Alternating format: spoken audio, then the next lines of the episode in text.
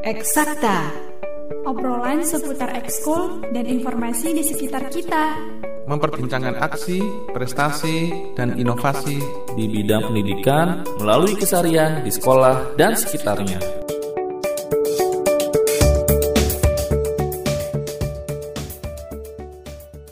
Ya, Assalamualaikum warahmatullahi wabarakatuh, sahabat edukasi. Senang sekali untuk kesempatan eksakta untuk edisi hari ini ya. Kita akan berbincang-bincang dengan narasumber dari sekolah mana lagi nih. Yang jelas, insya Allah kami sudah terhubung dengan narasumber kami dari daerah Jawa Tengah ya.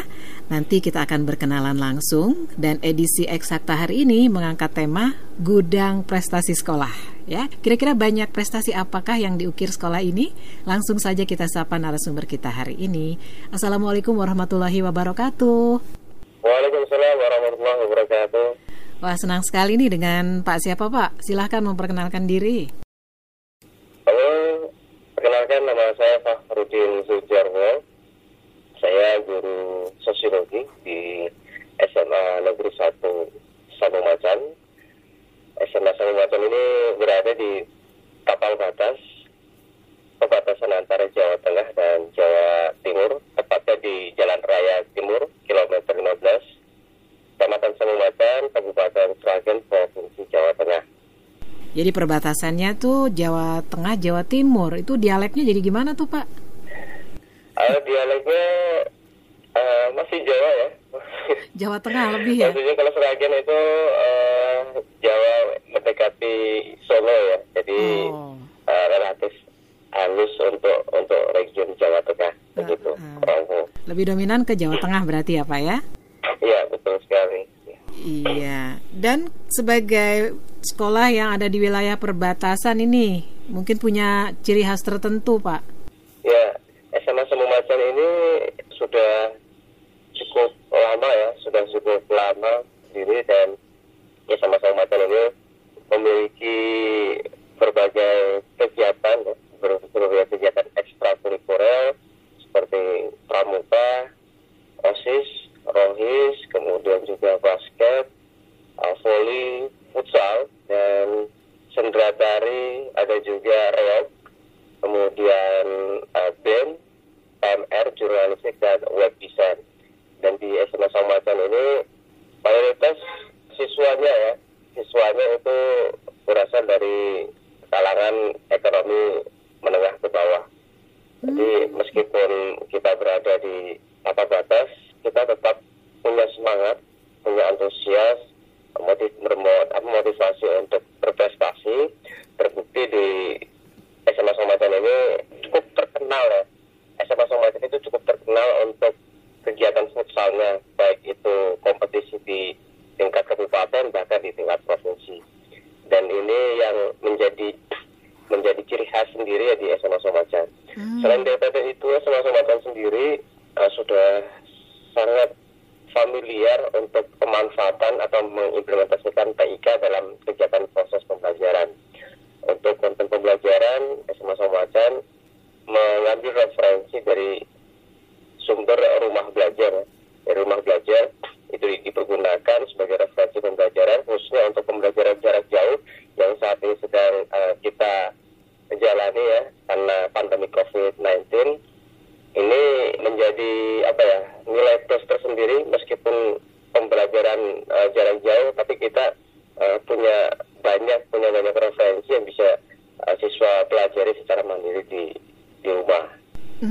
Sejak kapan tuh gitu. Pak? mengoptimalkan pemanfaatan rumah belajar ini sejak pandemi atau sebelumnya sudah diperkenalkan?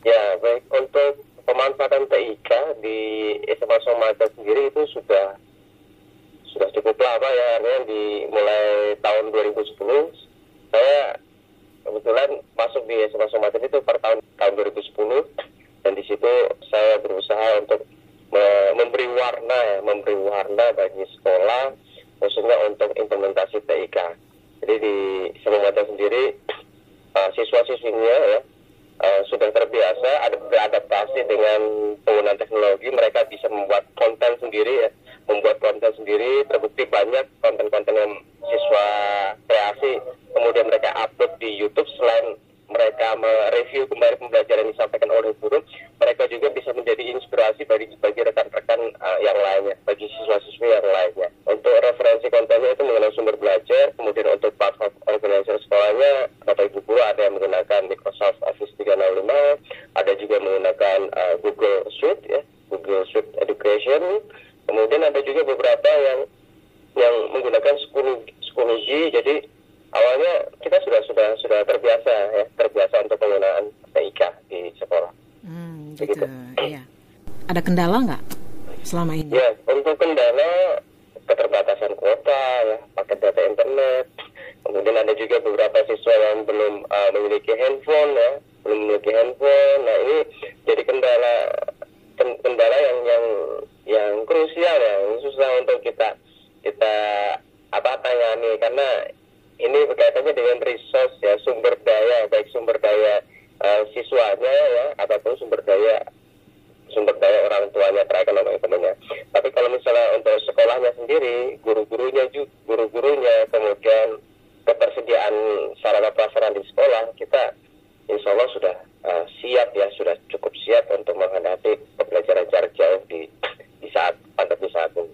Iya. Gitu. Gambaran infrastruktur penunjang TIK di sekolah selengkap apa Pak? Uh, SMA Somatun itu memiliki koneksi internet ya dari Sweden, uh, IndiHome. Kemudian juga kita juga memiliki dua ruang lab komputer, kemudian ada dua ruang lab bahasa, ya, yang ruang, ruang lab bahasa yang semuanya itu tersedia perangkatnya, perangkat TIK-nya secara baik.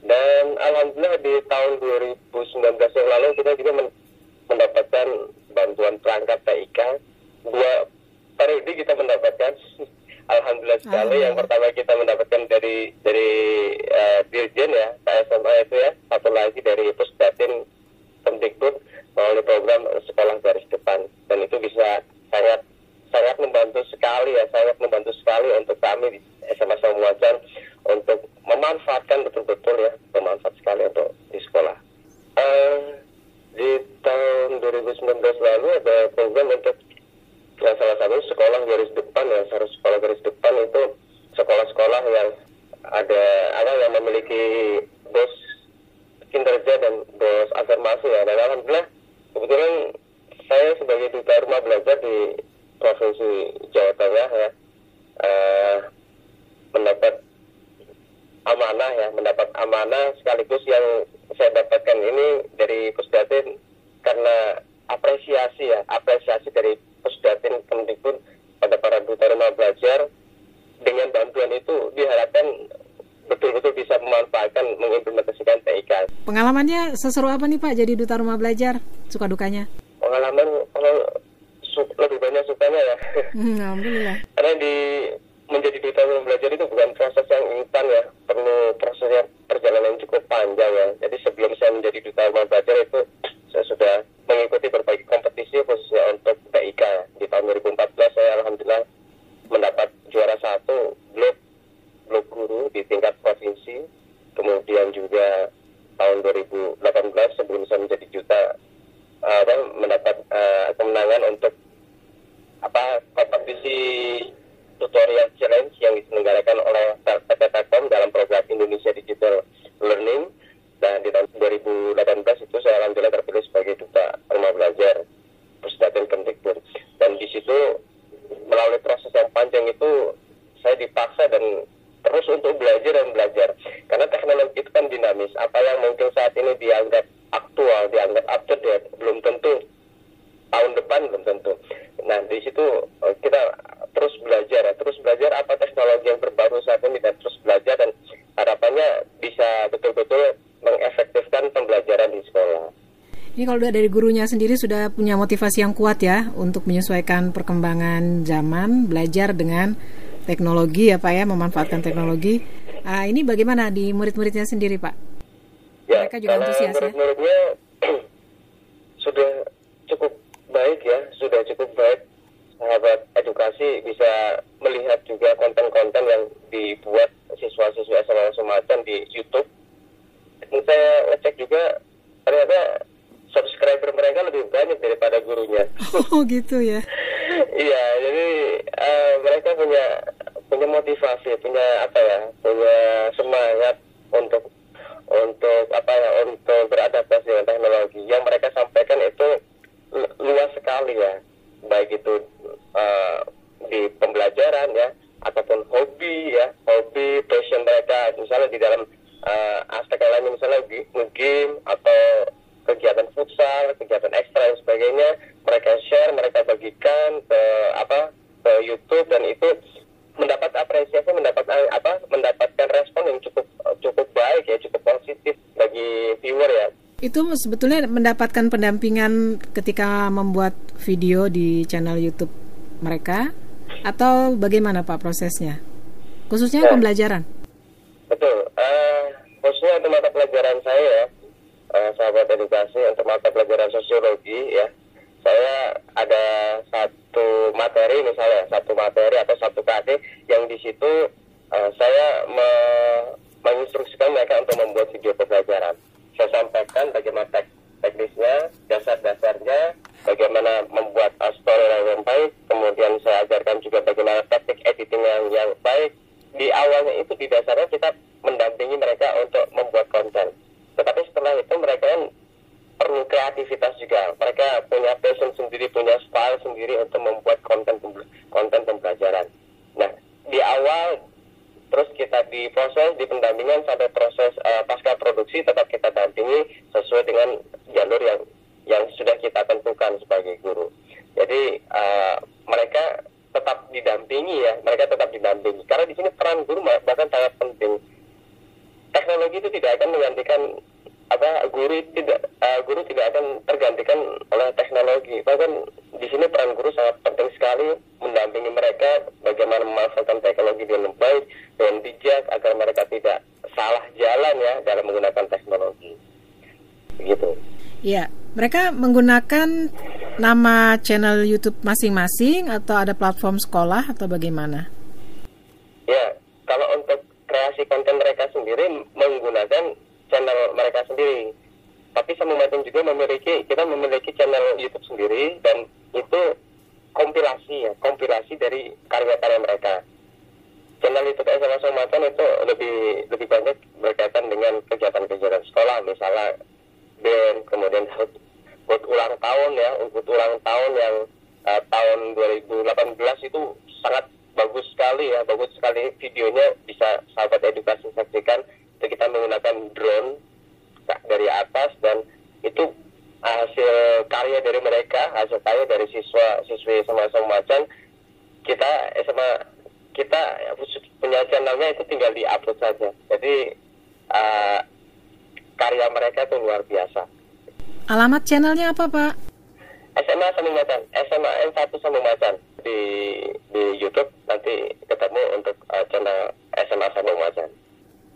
Untuk websitenya ya, uh, sahabat edukasi bisa me search mencari di Google di Google ketik saja SMA Sambung Macan atau di untuk websitenya www.spansatsomacan.sch.id itu bisa dilihat uh, sekolah branding sekolah ya dari mulai profile kemudian kegiatan ekstrakurikuler dan berbagai aktivitas yang berkaitan dengan implementasi TIK dalam proses pembelajaran di sekolah kita sampaikan di situ ya, kita sampaikan kita juga memiliki Facebook fanpage dan juga memiliki Instagram dan juga channel YouTube.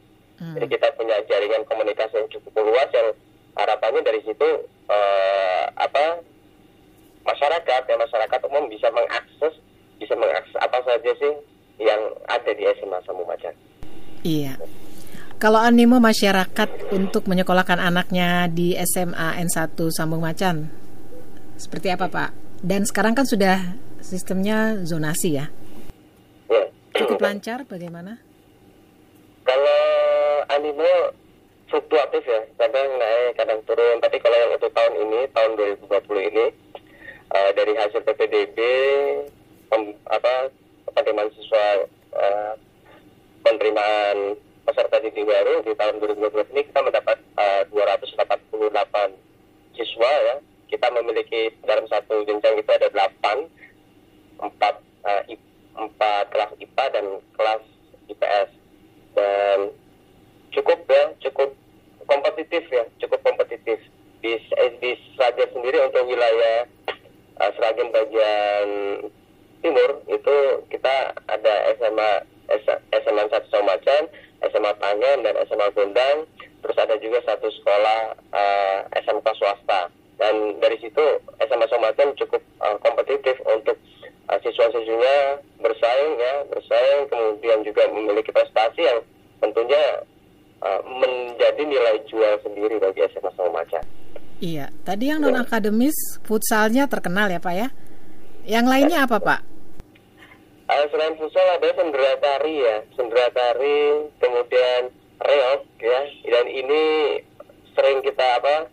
Kita tampilkan ya untuk khususnya untuk event-event sekolah ya, event-event sekolah. Kemudian ada juga band ya, band yang di band itu di tahun 2015 alhamdulillah kita men, apa menjadi juara satu untuk kompetisi band di tingkat uh, kabupaten ya, kabupaten Sragen. Kemudian juga ada web design ya web design juga ada kemudian ada jurnalistik juga. Dan untuk video apa uh, film ya film pendek. Film pendek itu uh, kita juga punya punya prestasi ya sampai di tingkat provinsi ya untuk film pendek di untuk judul film pendeknya untuk LSLS2N itu. Kemudian kalau untuk jurnalistik nih, kegiatan jurnalistik sekolahnya nih dari siswa, seperti apa Pak? Kalau jurnalistik kita dipegang sama guru ekstra ya, guru ekstra untuk pembuatan artikel, kemudian pembuatan mading ya, majalah dinding, kemudian juga membuat uh, karya-karya yang berkaitan dengan uh, apa penulisan ya, dan penulisan.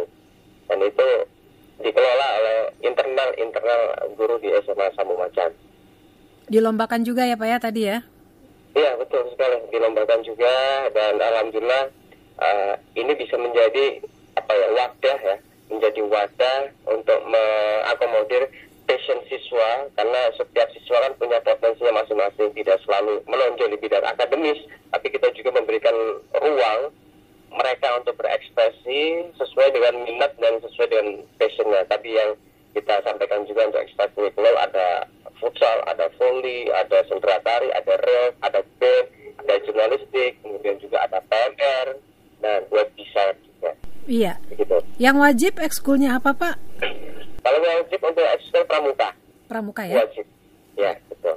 Yang lainnya bebas ya? Kalau yang lainnya itu faktor kifayah ya, artinya mereka hmm. bisa mengambil uh, eskul itu sesuai dengan pace-nya masing-masing. Dari yang ekskul yang sudah sudah saya sampaikan itu tadi, mereka bisa memilih ya, memilih salah satu atau bisa memilih beberapa. Dengan catatan ya, kegiatan ekskul yang mereka ikuti itu tidak tidak jadi jadi jadi apa ya menurunkan uh, nilai akademis mereka ya. Jadi di sini juga kita perlu tekankan bahwa uh, nilai akademis, nilai sekolah itu wajib ya perlu diperhatikan. Nah kegiatan ekstra itu sebagai penunjang untuk bekal mereka nanti untuk siap di masyarakat. Iya. Gitu. Ini khususnya untuk futsal Pak yang sudah terkenal banget ya kalau dari SMN 1 Sambung Macan. Faktor apa ya. nih Pak yang menunjang prestasi futsalnya?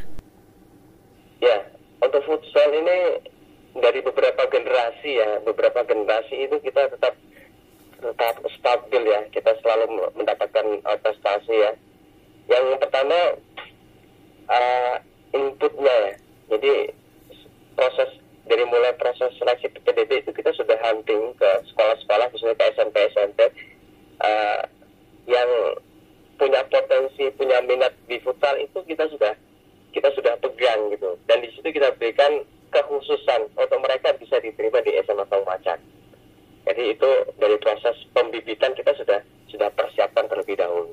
Kemudian yang kedua itu kaderisasi ya. Jadi di setelah masuk ke SMA Macan itu mereka uh, melakukan uh, pelatihan-pelatihan ya, melakukan pelatihan dan juga uh, pelatihannya itu intensif ya, intensif, rutin dan ketika ada turnamen itu sudah tinggal perform saja, tidak tidak ada apa ada tekanan ya all out karena mereka sudah terbiasa dengan latihan-latihan seperti itu. Jadi kita melakukan ber, uh, beberapa beberapa proses proses untuk sampai ke tahap ini tuh sudah melalui proses yang cukup panjang. Iya. Sejak kapan Pak? Sejak futsal populer atau memang bagaimana? Saya mulai masuk di SMA Sumatera itu pada 2010 ya dan di situ uh, ekosistem seperti itu sudah terbentuk ya. Jadi mungkin saya pikir jauh sebelum tahun 2011 itu sudah sudah lama ya, sudah lama untuk untuk futsal ini. Karena mungkin memang disukai anak-anak ya Pak ya. Jadi mudah pembibitannya ya Pak ya. Ya, betul sekali. Kemudian juga relatif murah ya. Mereka bisa latihan di rumah juga, mereka bisa di sekolah juga sudah sudah kita, kita sediakan juga lapangannya dan uh, apa antusiasnya ya karena itu olah, olahraga rakyat ya, olahraga rakyat di mana pun mereka bisa uh, berlatih sendiri. Mungkin tadi belum disampaikan kira-kira ini sekolahnya seluas apa Pak dan komposisi gurunya jumlahnya. Oh iya, uh, kalau untuk SMA Somajan ini jumlah siswanya itu untuk sampai saat ini ada 705 ya 705 itu dari segala jenis dari kelas 10, kelas 11 dan kelas uh, 12 kemudian juga untuk jumlah uh, gurunya itu sekitar 70 ya 70 guru. Dan itu mayoritas guru PNS ya guru PNS dan beberapa yang guru honorer itu sekitar ada 8 orang kemudian untuk uh, listriknya kita sampai dia sampai 30 ribu untuk koneksi internet itu kita menggunakan IndiHome ya, IndiHome disediakan sekolah untuk koneksi internetnya. Dan untuk jadwalnya ya untuk jadwal pembelajaran karena saat ini sedang pembelajaran jarak jauh itu kita sesuaikan ya. Kita sesuaikan kita modifikasi hanya materi-materi esensial saja yang kita sampaikan karena pembelajaran jarak jauh pun ini uh, membutuhkan banyak energi juga ya.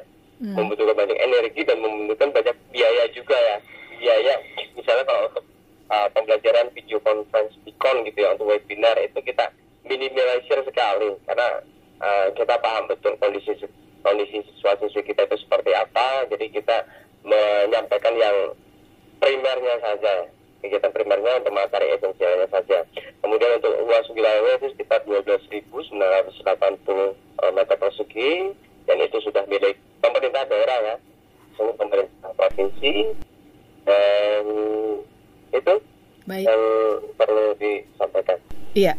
sekarang solusinya apa nih Pak untuk membantu siswa-siswi yang mungkin sangat minim ya mendapatkan layanan pembelajaran jarak jauh ya, mungkin karena tidak mempunyai alat pendukung juga gitu. Uh, betul. Uh, ini jadi kendala kami ya, kendala kami di SMA Somacen untuk uh, kondisi siswa-siswi yang memiliki keterbatasan ekonomi dan ini ada program dari sekolah ya, maksudnya untuk menjangkau ya, menjangkau siswi yang kebutuhan khusus tersebut ya. Jadi ada beberapa uh, guru yang melakukan program kunjung ke uh, rumah ya, program kunjung rumah, memberikan materi pembelajaran, memastikan mereka sehat walafiat. Jadi ada ada kekhususan untuk untuk siswa-siswa yang yang tadi saya katakan. Jadi untuk yang sudah bisa berjalan secara daring tetap dilanjutkan bagi siswa yang memiliki kebutuhan khusus kita layani agar mereka tetap mendapatkan layanan pembelajaran yang maksimal ya. Iya. Itu. Kalau kebijakan lokal barangkali ya Pak ya untuk ya. masa pandemi ini kira-kira apa Pak yang berlaku di Sambung Macan? Kebijakan lokal ya. Kebijakan lokal tadi yang untuk uh, proses uh, pembelajaran ya proses pembelajaran itu kita tidak full ya. Artinya tidak untuk materi tidak tidak disampaikan secara full. Mengejar target untuk penuntasan kurikulum tidak. Kita hanya memberikan materi yang esensial yang yang cukup sederhana. Intinya mereka bisa tetap mendapatkan materi pembelajaran meskipun mereka berada di rumah. Itu yang pertama. Kemudian yang kedua tadi yang berkaitan dengan uh, apa penanganan siswa-siswi yang berkebutuhan khusus, mereka yang tidak memiliki tidak memiliki handphone ya, mungkin mereka juga memiliki perbatasan paket kuota untuk internet. Nah itu uh, ada program guru kunjung, mereka eh, guru-guru uh, me menjaga mereka ya, memberikan materi pembelajaran dan juga memastikan mereka baik-baik saja, memastikan mereka sehat walafiat. Artinya uh, sekolah itu tetap hadir, sekolah tetap hadir meskipun dalam dalam kondisi pandemi COVID-19 seperti ini. Ya, kalau dari dinas provinsinya barangkali dinas pendidikannya gitu, apakah sudah mulai ancang-ancang gitu kapan kira-kira proses pembelajaran tatap muka akan dimulai lagi? Uh, sampai saat ini belum ada ya.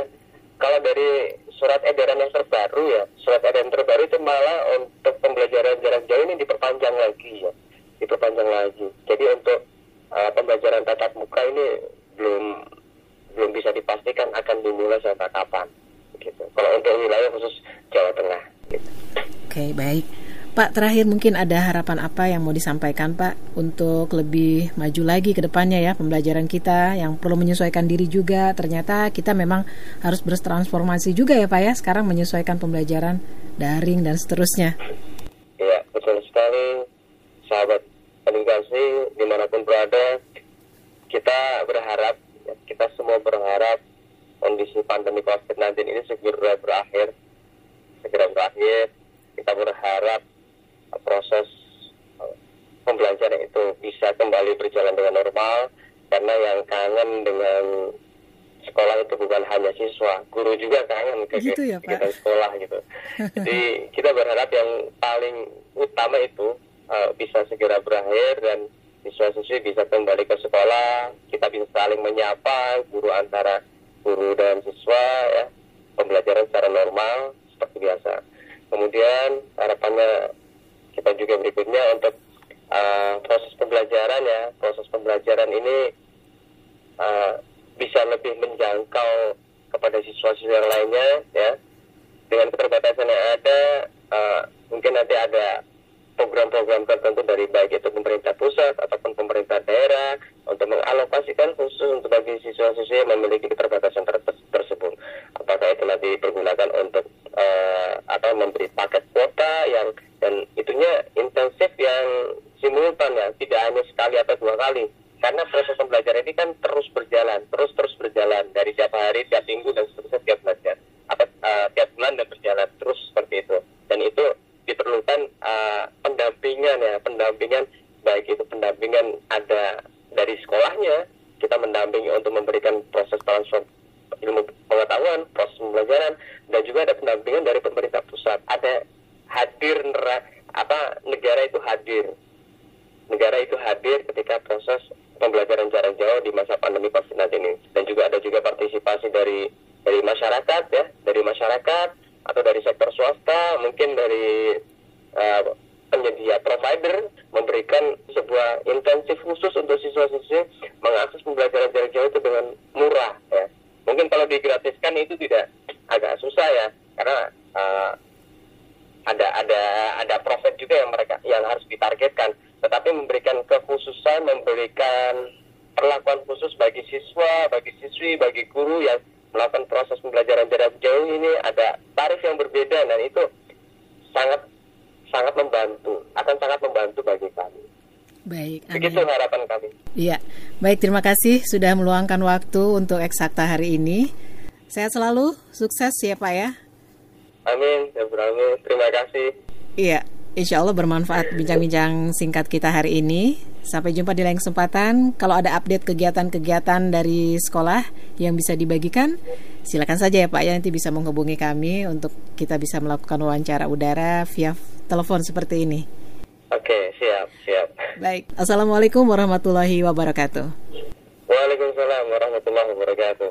Baik sahabat edukasi, demikian tadi obrolan kita ya dengan Bapak Fahrudin Surjarwo. Beliau adalah Duta Rumah Belajar 2019 dan beliau juga adalah seorang guru yang mengampu mata pelajaran sosiologi di SMA N1 Sambung Macan daerah tapal batas ya antara Jawa Tengah dan Jawa Timur. Yang mau tahu ya silahkan nanti cek di channel YouTube-nya. Sampai jumpa di lain kesempatan.